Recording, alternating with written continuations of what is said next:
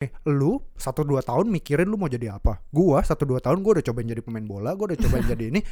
Gua eliminating my options, man. Kayak oke jadi pemain bola udah enggak, jadi pendeta udah enggak.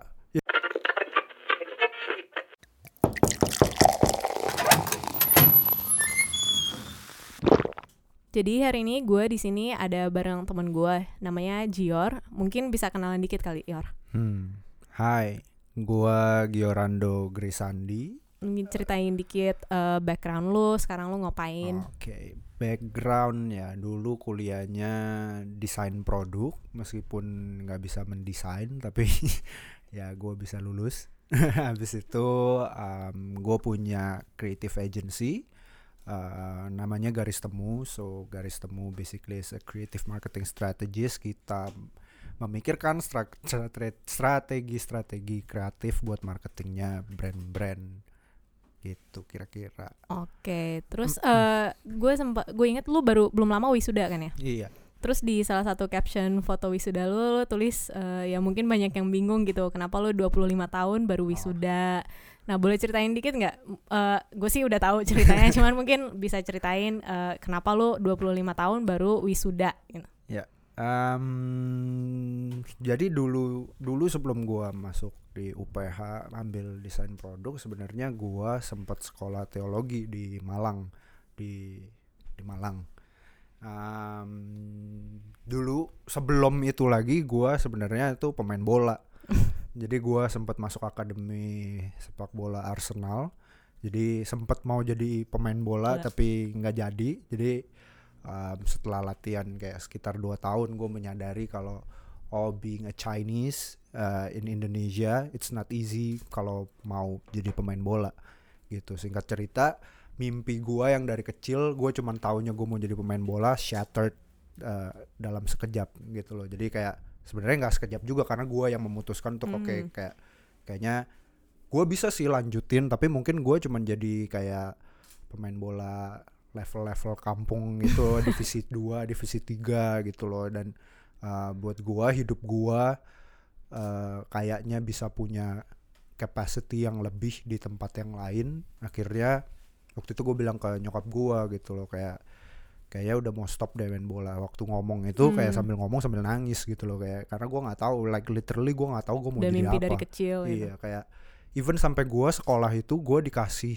keringanan sama sekolah untuk gua nggak masuk kelas untuk latihan bola. Bola. Cuman gua doang satu-satunya sampai detik ini yang dikasih kayak gitu. Jadi gua bener-bener nggak tahu mau ngapain gitu. Nah, dari bola bisa-bisa ke Nah. teologi tuh gimana?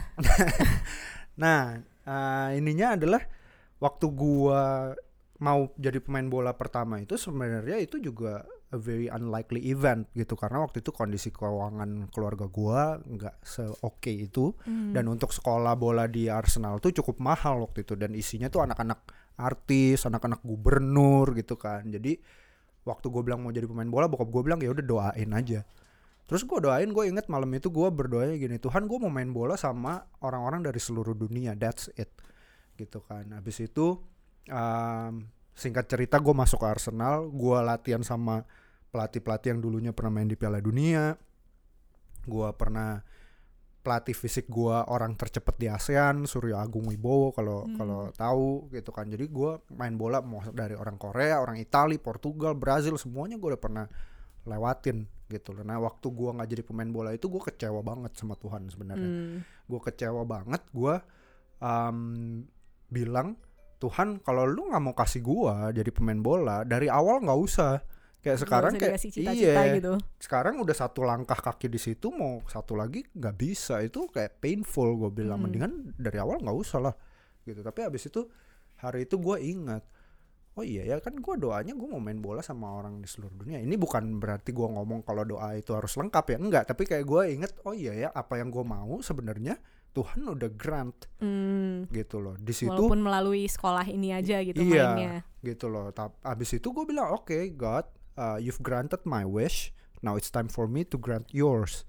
Gitu loh. Nah waktu itu jujur aja gue nggak tahu mau ngapain. Gue sekolah ditanya mau kuliah apa, yang lain mikirin kuliah, gue mikirnya gue mau main bola gitu kan. Jadi nggak tahu sama sekali. Sampai akhirnya gue cuma inget gini, nyokap gue bilang kalau lu nggak sekolah dari kecil ya, kalau lu nggak sekolah bener-bener nanti lu jadi tukang koran.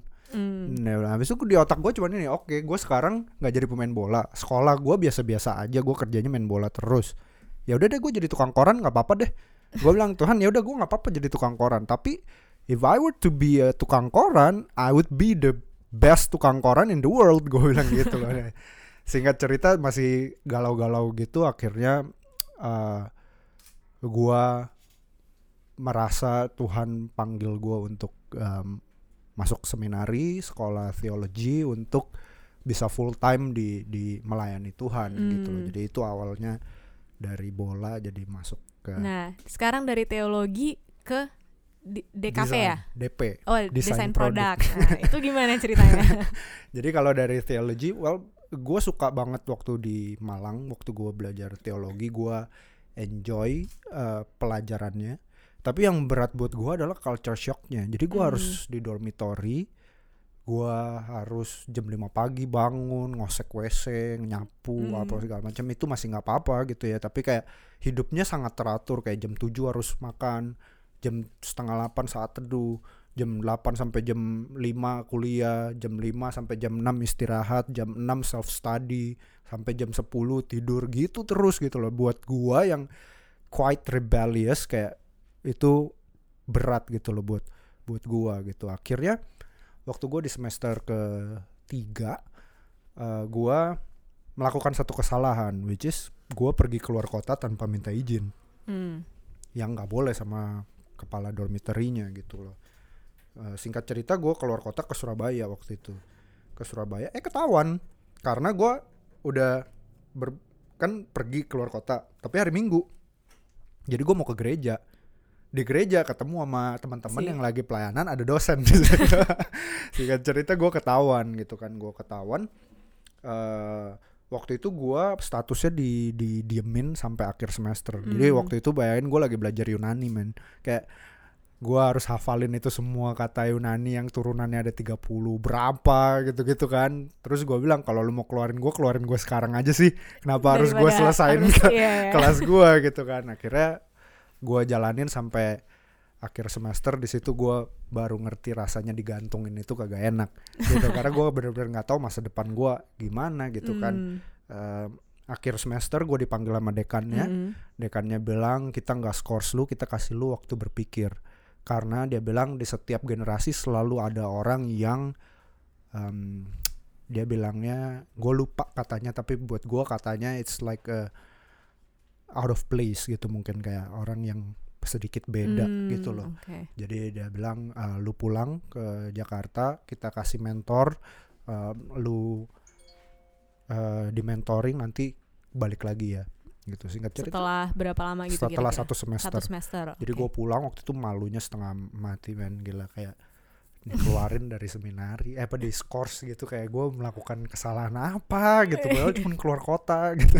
Terus gue inget banget gue pulang ke Jakarta bokap gue jemput gue di mobil gue berdua sama dia gue bilang gini dad um, sorry ya uh, gue nggak bisa bikin lu bangga gue nggak bisa bikin lu dan mami bangga gitu loh. Waktu mau jadi pemain bola gagal sekarang jadi uh, quote unquote pendeta gagal juga Hmm. di scores gitu loh terus gue ingat banget waktu itu bokap gue uh, bilang gini kok tahu nggak kalau Dedi itu selalu banggain lu you know what bukan karena lu berhasil ini atau itu tapi Dedi ngelihat anak Dedi ini setiap jatuh dia bisa bangkit lagi setiap Hmm. jatuh dia bangkit lagi terus dia bilang lu nggak usah khawatir orang lain ngomong apa biar Dedi yang urus semuanya waktu itu gua karena ada itu I guess itu jadi fondasi gue untuk bangkit lagi Mm-mm. karena waktu itu gue masih umur 20 tahun kayak seluruh dunia gua runtuh masa depan gua runtuh ya kan? Nah singkat Iya. cerita setelah satu semester itu pas gua mau apply balik lagi gua nggak boleh.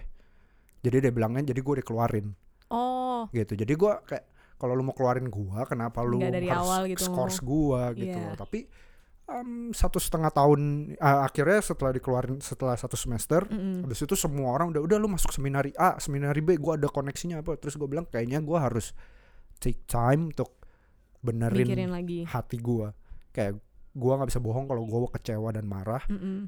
sama diri gue sendiri dan bahkan Tuhan gue bilang jadi kayak biarin gue diam dulu deh akhirnya gue ambil satu tahun uh, Off. off itu satu setengah tahun satu tahun itu yang paling rendah di hidup gua di umur 20 tahun. Tapi kalau misalnya lu mikir balik lagi seandainya nggak ada kejadian lu Uh-uh. keluar kota ini, Uh-uh. lu bakal menurut lu bakal terusin nggak seandainya gitu?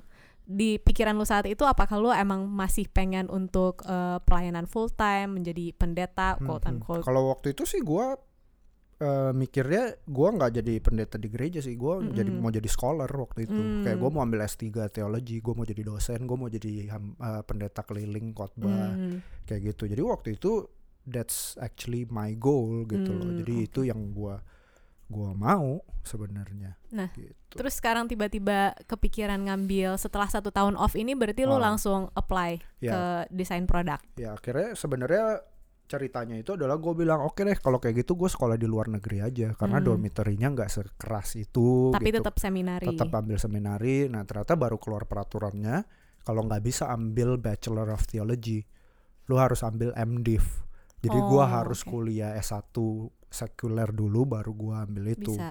Ke- di otak gua cuman kepikiran oke UPH bisa lulus tiga tahun. Ya udah deh gua ambil yang cepet aja gitu. Habis itu gua eh, ambil desain produk aja karena di otak gua gua udah kelamaan di kelas tuh waktu di seminari kayak ini Mm. katanya banyak di bengkel.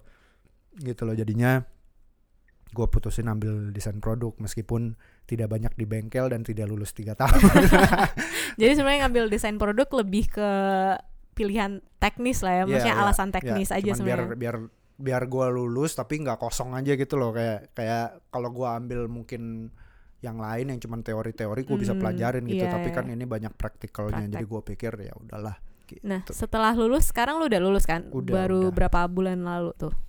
Hampir setahun kayaknya Hampir setahun yang lalu ya setahun lulusnya. yang lalu gue selesai sidang skripsi gue Oh, oke. pas di bulan ini Nah, sekarang kan tuh tadi katanya sebenarnya ngambil S1-nya untuk melanjutkan MDiv. Mm-mm. Sekarang masih ada niat untuk eh, melanjutkan S2 lagi nggak? Apa udah keenakan bisnis? gitu ya? jadi jadi gua se nggak suka nggak sukanya gue sama kuliah dan se nggak percayanya gue sama uh, academical gua tetap percaya kalau Tuhan bisa pakai itu semua gitu Hmm. jadi uh, journey gue di UPH bukan journey yang biasa-biasa aja yang gue pikir cuman gua cuman mau gelar lulus tapi Hmm. ternyata Tuhan banyak reveal gua a lot of things waktu gua di UPH bukan not necessarily UPH-nya tapi fase gua Iya. kuliah ini membuat gue banyak berpikir yang pertama gue berpikir pelayanan itu nggak mesti di gereja doang loh Hmm. gitu itu yang gue lihat kenapa karena gue jadi punya status yang aneh di kelas gue waktu itu. Gue pernah belajar seminari umur gue lebih gede dari mereka tapi gue sama sama mereka. Yang membuat mereka bisa tanya sama gue hal-hal yang yang mereka nggak berani tanya ke pendeta. Karena Hmm. takut dikatain kok lu mempertanyakan dijudge iman lu gitu. gitu loh. Tapi sama gua mereka bisa freely bertanya gitu loh. Itu yang membuat gua kayak oh ternyata ada pelayanan yang kayak gini juga Hmm. gitu loh. Pertanyaan pertanyaannya tuh yang kayak gini kalau Tuhan maha tahu ngapain kita harus berdoa? Kan dia udah tahu gitu ya. Luckily kayak gua juga orang yang skeptical kayak gitu yang jadi iman gua itu gua bertumbuh karena skeptical, kayak Skeptical. gitu gitu loh. Gue banyak mentanya bertanya pertanyaan-pertanyaan itu yang kebetulan yang gue bersyukur Tuhan kasih gue jawabannya. Jadinya gue bisa cater itu gitu loh. Habis itu gue ketemu mentor bisnis gue jadi waktu itu kayak gue masih sempat bilangnya ya udah gue mau teologi gitu kan tapi habis itu gue Hmm. bilang kayak gue harus move on gitu loh gue nggak bisa kayak gini-gini terus gitu Hmm. loh so ya udah apa yang di depan mata gue gue kerjain deh di waktu itu di otak gue cuman bisnis karena Hmm. bokap gue bisnis gitu jadi ya udah gue cobain bisnis tapi gue gak ngerti apa apa lo bangin dari pemain bola Sekolah jadi teologi. sekolah teologi sekolah desain nggak ada hubungannya sama bisnis gitu kan Hmm. terus akhirnya pas gue bilang mau bisnis nyokap gue bilang udah lu kerja sama orang dulu aja kayak si om itu gitu Hmm. loh. Jadi dia tahu caranya. Terus gue mikir kayak gue sangat tidak bisa di restrict gitu-gitu gitu. Yeah. kalau gue kerja di bawah orang matilah gue gitu kan. Akhirnya gue cari gue baca semua buku yang ada yang available waktu itu buat gue baca. Gue baca banyak banget. Gue baca buku gue baca vid- eh, nonton video. Akhirnya gue ketemu satu ini namanya mentorship. Hmm. gitu. Habis itu gue akhirnya dengan songongnya gue bilang sama nyokap gue tenang nih. Mami kan mau gue kerja sama orang supaya gue tahu cara-caranya. Hmm. gue cari mentor. Nanti mentor itu yang bakal ajarin gue caranya tanpa gue harus kerja sama dia. Tapi gue nggak tahu ya. Jadi win-win lah. iya siapa yang mau jadi mentor gue gue juga gak, Iya. tahu gitu kan. Em, itu kayak waktunya mungkin satu tahun sampai dua tahun gue cari mentor setiap ada orang bisnismen apa ngajar di kelas bisnis. Jadi waktu itu gue diundang sampai anak DP jadi boleh masuk kelas bisnis. Karena Hmm. dulu gue sempet sharing tentang cerita perjalanan gue gitu kan. Akhirnya setiap ada dosen tamu gue email "Eh, mau nggak jadi mentor, Mentor gue nggak ada yang bales gue gitu loh sampai akhirnya satu ketika eh, ada satu orang yang mau lah jadi mentor gue gitu loh. Itu uh, businessman yang cukup sukses yang sangat sukses mungkin uh, gitu yang akhirnya mau jadi mentor gua gitu kan. Nah itu perjalanan itu yang membuat gua oke gua ada di sini Tuhan nggak sembarangan. Bukan cuman karena di otak gua planningnya adalah nanti gua Hmm. mau ambil teologi gitu loh. Akhirnya setiap orang tanya gua masih mau ambil sekolah teologi gak gua selalu bilangnya gini ya gua lulus juga belum lihat nanti deh Ya, pertanyaan itu valid sampai hari gua lulus, Lulus. sidang. Sekarang udah lulus nih Sekarang udah lulus kan makanya. Nah ini waktu pertama gue ditanya itu gue jujur aja gue bingung gila gimana gimana jawabnya. Akhirnya ini mungkin ini topik yang menarik juga. Hmm. It's about calling gitu Iya, kan. iya. Gue gue berpikir kayak gini. Calling yang ada di lingkungan gue dibilangnya cuman jadi hamba Tuhan. Hmm. Kalau lu mau calling artinya lu jadi pendeta. Itu gue mikir gitu loh. em, apakah calling itu benar-benar cuman jadi pendeta? Gitu. Itu yang jadi pergumulan gue. Akhirnya gue ingat banget waktu itu gue langsung baca kitab Samuel 1 2 Samuel gue baca. Gue bilang, "Well, ini si Daud, dia gembala, dia pemain musik, dia raja, ya kan? Tapi dia hamba Tuhan." Sama Tuhan. So di otak gue, well panggilan itu nggak mesti jadi hamba Tuhan. You could be anything. Tapi gue nggak mau cuman kayak oh ya udah kayak berarti bisa. Gue mau gue bisa menjelaskan kenapa panggilan itu nggak cuman Hmm. jadi hamba Tuhan itu kenapa kayak gue belajarin lagi semuanya gitu kan. Terus satu lagi ada pertanyaannya nih. Gue selalu ditakut-takutin sekali lu dipanggil, lu nggak bisa kabur. Maksudnya gimana tuh sekali? Maksudnya kayak sekali lu bilang lu eh, lu merasa lu mau jadi hamba Tuhan, lu bisa kabur Oh. jadi apa ujung-ujungnya adalah Balik lu bakal lagi balik gitu, lagi gitu. ha. Terus gue pikir, well, pertama nggak ada yang bisa menjamin itu karena itu ngomongin panggilan bukan misalnya sanctification. Iya. Ini ngomongin panggilan hidup gua, Hmm. how I I manage my life, how I run my life gitu kan. Menurut gua nggak ada yang menjelaskan tentang itu gitu loh. Jadi waktu itu gua cuman berpikirnya ya ya udahlah kalau memang lu bilang gua nggak ada panggilan, jawaban paling simpelnya berarti waktu itu bukan panggilan. Gue gue bilangnya gitu. Eh, tapi kalau kalau menurut gua, gua waktu itu sangat yakin. Menurut gue itu panggilan. Hmm. Sekarang gua merasa panggilan gua bukan lagi di di uh, full timer di iya. gereja, tapi well the way I do things in my life sebenarnya ya gua half half juga gitu. Iya. Bukan half half lah. Justru gue pelayanan juga gitu loh. In everything that I do, gue pakai mindset ya gue melayani orang. Sebenarnya even in business yang Hmm. yang orang bilang kayak oh jahat everything gue menemukan Kebalikannya. iya kayak gue menemukan teologi lah. justru justru ini peluangnya yang sangat Besar. bagus buat kayak ada orang yang punya background theology and then bisa strive di di Bisnis. bisnis and then justru bikin cerita kayak oh ternyata ini bukan sesuatu yang jahat Hmm. bukan sesuatu yang mengerikan tapi lu bisa impactful dengan dengan apa Cara yang, yang lu ini. kerjakan gitu. Nah, Eh, mungkin kalau di umur-umur kita sekarang kan Mm-mm. di bawah tiga sebelum kita umur 30 tahun tuh banyak yang sebenarnya mempertanyakan juga calling itu calling gua apa sih? Mm-mm. Eh, mungkin walaupun bukan dalam konteks apa agamawi, Agamawi, tapi sebenarnya eh, what am I supposed to do gitu Ya. tujuan hidup gua apa? Nah, kalau lu sendiri eh dari perjalanan hidup lu, lu menurut lu pertanyaan-pertanyaan apa sih yang seharusnya kita mempertanyakan diri kita Hmm. sendiri untuk tahu ini calling gua atau bukan? Mm-mm. Eh, calling gua sebenarnya apa gitu. um, sebelumnya gue pengen mungkin gue pengen make a common ground. Hmm. Kenapa zaman sekarang anak-anak seumuran kita itu kayak sangat memusingkan tentang calling Hmm. ini. Ternyata gue kemarin baru find out gitu. Eh, zaman tahun sebelum 2000 orang nggak punya imagination tentang ada kehidupan setelah tahun 2000. Iya.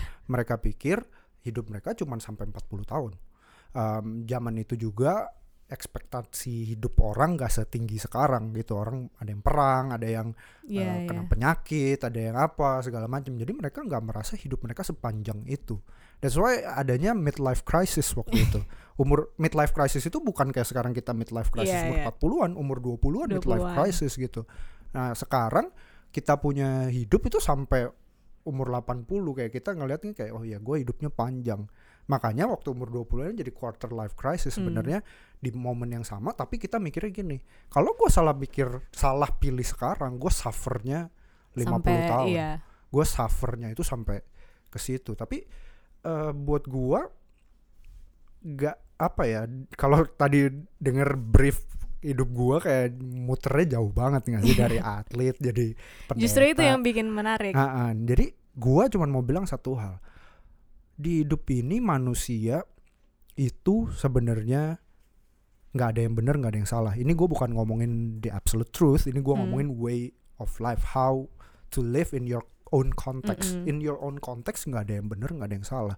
Nggak ada yang salah dengan gua lulus umur 25 tahun. Hmm, Jadi salah kalau gue pakai konteksnya orang lain Iya.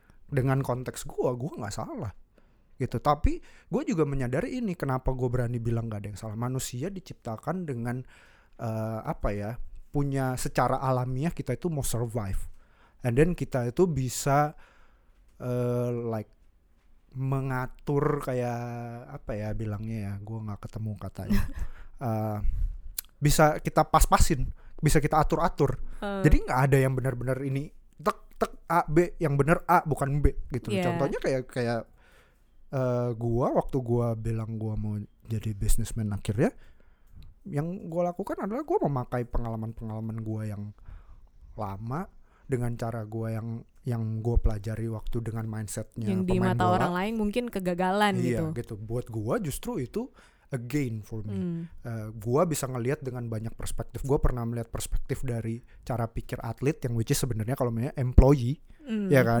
And then jadi pendeta non profit, Iya. ya kan? And then designer yang kayak free spirited, Iya. kayak iya. and then businessman yang profit. Kayak gue bisa ngelihat dari berbagai macam perspektif yang bikin gua sebenarnya jadi jadi orang yang punya capacity lebih besar sebenarnya. Hmm. Jadi eh, per- bukan pertanyaan sebenarnya menurut gue yang harus kita iniin, tapi em, daripada lu pusingin options mana. Jadi sebenarnya Hmm. kenapa pusing? Karena kalau zaman bapak-bapak kita, they don't have a lot of options. Iya. Jadinya ya kerjain aja di depan mata gue, gue kerjain aja. Kita kenapa jadi bingung? Karena kita terlalu banyak pilihan. Options. ya kan? Itu yang bikin kita aduh gue bingung nih panggilan gue apa gitu kan. Nah buat gue just do. Lakukan aja gitu loh. Lakukan aja nggak ada nggak ada ininya. Jadi gue gue bilangnya gini lu satu dua tahun mikirin lu mau jadi apa. Gue satu dua tahun gue udah cobain jadi pemain bola gue udah cobain jadi ini. Gue eliminating my options man. Kayak oke jadi pemain bola? Udah enggak jadi pendeta udah enggak jadi ini udah enggak ya Jadi basically trial and Iya, error lah. trial and error karena di hidup ini benar-benar kalau way of life menurut gua nggak ada benernya. Salah ada lu cara hidup yang salah ada gitu, tapi Hmm. benernya itu versinya Standarnya beda-beda. gitu. versinya gua itu beda-beda. Kembali lagi ini nggak ngomongin tentang truth, ini ngomongin Iya. tentang cara hidup ya. Kalau Iya. cara hidup itu tergantung konteks lu, Lu di mana, iya. lu gimana, latar belakang lu bagaimana, Hmm. keluarga lu, lingkungan lu gimana. Gua nggak bisa judge orang yang kayak uh, pernah kerja baru jadi entrepreneur. Oh, berarti lu bukan entrepreneur sejati atau gua judge orang yang entrepreneur terus kayak kesulitan akhirnya kerja terus oh berarti lu uh, nggak punya grit. Kayak gua nggak bisa judge itu karena semua orang punya konteksnya masing-masing Iya. dan timelinenya masing-masing. Gue selalu selalu ini nih. Jadi di waktu-waktu gue itu yang paling menyakitkan sebenarnya adalah ngomongin timeline. Kayak teman-teman gue udah ada yang S2, gue S1 belum lulus. ada yang udah married, gue S1 belum lulus. Ada yang udah bikin bisnis, gue masih di bengkel kayu bikin mainan Masih apalah nggak tahu. Kerjain tugas. Iya kerjain tugas. Jadi timeline itu something that bothers me. Iya. And I guess it bothers a lot of people Everyone lah. gitu. Eh, itu yang sebenarnya bikin kita takut memilih karena kita takut Hmm. ketinggalan. Dan kadang juga gue perhatiin kalau kita ngomongin calling zaman sekarang tuh calling atau kita mikirin apa ya cita-cita itu sering kali cita-cita apa ya anak kota gitu. Maksudnya seakan-akan eh, cita-cita itu atau apa yang pengen lo lakuin harus sesuatu yang gede banget harus eh, jadi si mau jadi CEO lah jadi presiden lah jadi apa. Padahal mungkin uh, in several context di anak-anak entah di uh, kampung mana that's that's not something that's possible dengan resource yang Yeah. mereka punya walaupun uh, nggak berarti kita uh, menurunkan iya menurunkan itu tapi justru itu maksudnya uh, melihat calling sebagai sesuatu yang uh, ya ada di depan mata lo lah apa yang lo bisa jalanin saat itu nah kalau buat lo sendiri sebenarnya uh, menjadi entrepreneur dalam Ya. tanda kutip itu sebuah cita-cita sebuah panggilan passion lo atau Hmm. gimana Um, buat gua jadi gua juga membedakan antara occupation and calling. Hmm, it's a two different different things. things for me. Jadi gua punya calling.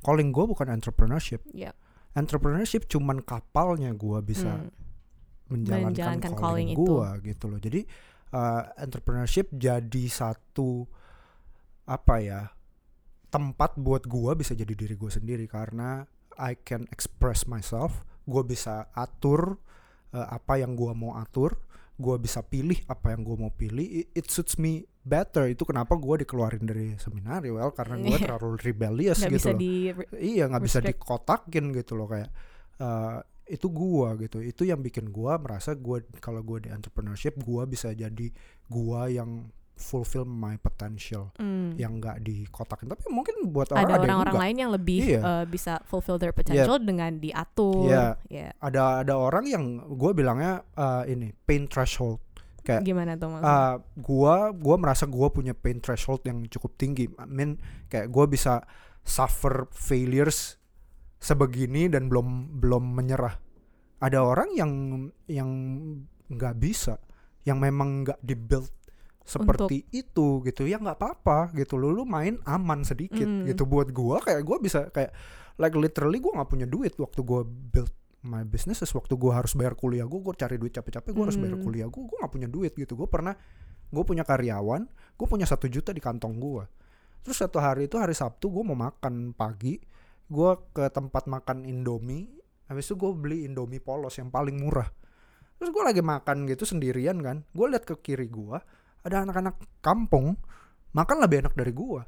Terus gua ketawa dalam hati gua cuma bilang Tuhan lu ngeledek ya? Gua kayak gua punya duitnya tapi gua tahu duit ini buat nanti gua bayar gaji karyawan, gua. Hmm. gitu loh. Gua rela untuk makan, makan Indomie, indomie, polos. demi gua bisa bayar karyawan gua yang artinya gua rela untuk susah sekarang untuk nanti gua achieve a greater uh, things gitu yang nggak semua orang punya sampai sebegitunya. Ada juga yang Iya. lebih dari gua banyak gitu loh. Tapi lu Dan harus sebenarnya nggak apa-apa gitu. Yes lu harus self aware with yourself gitu. Mhm. lu itu di mana? Artinya lu harus objektif dissect diri lu audit Iya. diri lu. Lu itu yang kayak gimana? Itu dan yang menurut gue itu poin penting karena zaman sekarang kan gue rasa semua anak muda itu kayaknya kalau lu nggak punya eh, kalau lu nggak bercita-cita jadi entrepreneur Yap. dalam tanda kutip tuh Nggak keren. kayaknya lu nggak keren nggak nggak apa ya eh, ya nggak keren gitu Ah. nggak nggak sesuai zaman nah dan eh, sebenarnya poin-poin yang tadi lu bilang itu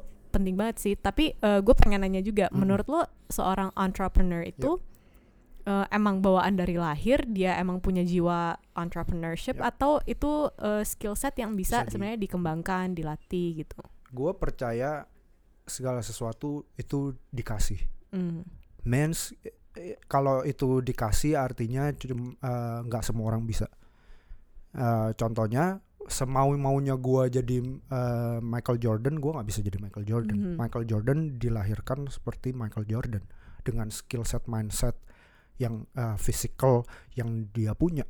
Sama menurut gue jadi entrepreneurship yang mulai dari nol ya yang benar-benar entrepreneurship yang kayak nggak punya apa-apa Iya. yang kayak gua dari lutut bener-bener nggak punya apa-apa nggak semua orang bisa tapi ada types of entrepreneurship yang kayak gini kayak ada teman gue yang partneran sama gua dia jadi entrepreneur kan Iya, tapi dia nggak perlu melalui apa yang gua lalui, dulu. lalui jadi gue bilang eh, eh, namanya entrepreneurship eh, ini kecenderungan entrepreneurship Hmm. jadi cara lu melihat sesuatu sebenarnya kan entrepreneurship itu sebenarnya apa? Melihat peluang dari peluang lu jadiin something. Sesuatu. Ma- memanage resikonya dan lu jadiin something Hmm. gitu kan. Jadi lu bisa pakai kecenderungan itu lu bisa pakai cara berpikir itu tapi not necessarily lu benar-benar uh, jadi entrepreneur dari awal. Awal. Gitu bisa jadi lu kerja dulu 10 tahun lu kumpulin all your connections all, uh, capital ya kan? And then baru lu buka bisnis Hmm. bisa jadi gitu jadi contohnya kayak uh, CEO-nya Google yang bukan CEO yang foundernya Google foundernya itu ketemunya di S3 mereka lagi sama-sama S3 bikin Google jadi entrepreneurship Iya. uh, jadi entrepreneur Uh, Richard Branson Virgin, Virgin. Group uh, drop out SMA Iya. gitu loh jadi itu dua tipe entrepreneurship yang berbeda menurut gua yang satu benar-benar pure kalau gue bilang kayak pure blood gitu loh pure blood entrepreneurship yang benar-benar kayak dari tring, awal tuh dari udah awal gitu tapi kembali lagi konteks juga kalau gue bilang gue pure blood ya dulunya gue juga mikirnya gue mau jadi pemain bola kok iya kan Eh, jadi benar-benar ini tapi gue percaya dengan ini kalau eh, segala sesuatu itu Tuhan kasih kita sama kayak ada orang yang jago nyanyi. Hmm. Jadi ada strengths tertentu yang kita strength punya yang, Tuhan bisa kasih. kita gunakan. yang spesifik Tuhan kasih ke kita Hmm. means yang cuman gua bisa lakukan dan bukan Kathy yang lakukan. Iya. Means kebalikannya ada things yang Kathy bisa lakukan yang gua nggak bisa lakukan. Ini gua belajarnya dari apa? Dari desain produk. Hmm. Waktu gua ciptain gelas, gua bikin desain gelas ini spesifik tujuannya. Tujuannya menampung liquid.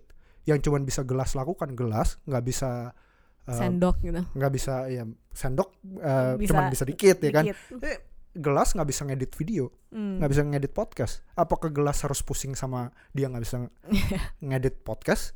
Enggak kan? Kenapa? Karena dia tahu Bukan tugasnya dia itu. tugasnya dia dia diciptakan untuk menampung air. Jadi dia nggak usah worry. Ini juga jadi mindset yang penting gitu. Kalau lu kenal diri lu lu nggak perlu worry sama Mhm. orang lain jadi apa dan lu jadi apa. Karena lu tahu lu dibuat jadi apa. Lu nggak perlu jadi orang lain gitu loh. Si Mhm. MacBook nggak bakal merasa oh ya gue harus nampung air. Ya kan? Gitu loh. Jadi menurut gue penting untuk kita kenal diri kita sendiri dan nggak usah pusing lah. Gitu. Yeah. oke okay, well I think that's a good note untuk uh, mengakhiri pembicaraan kita. Sebenarnya masih banyak banget sih tapi mungkin sesi yang lain kita bisa undang Boleh. lagi. Oke okay, thank you. Thank you.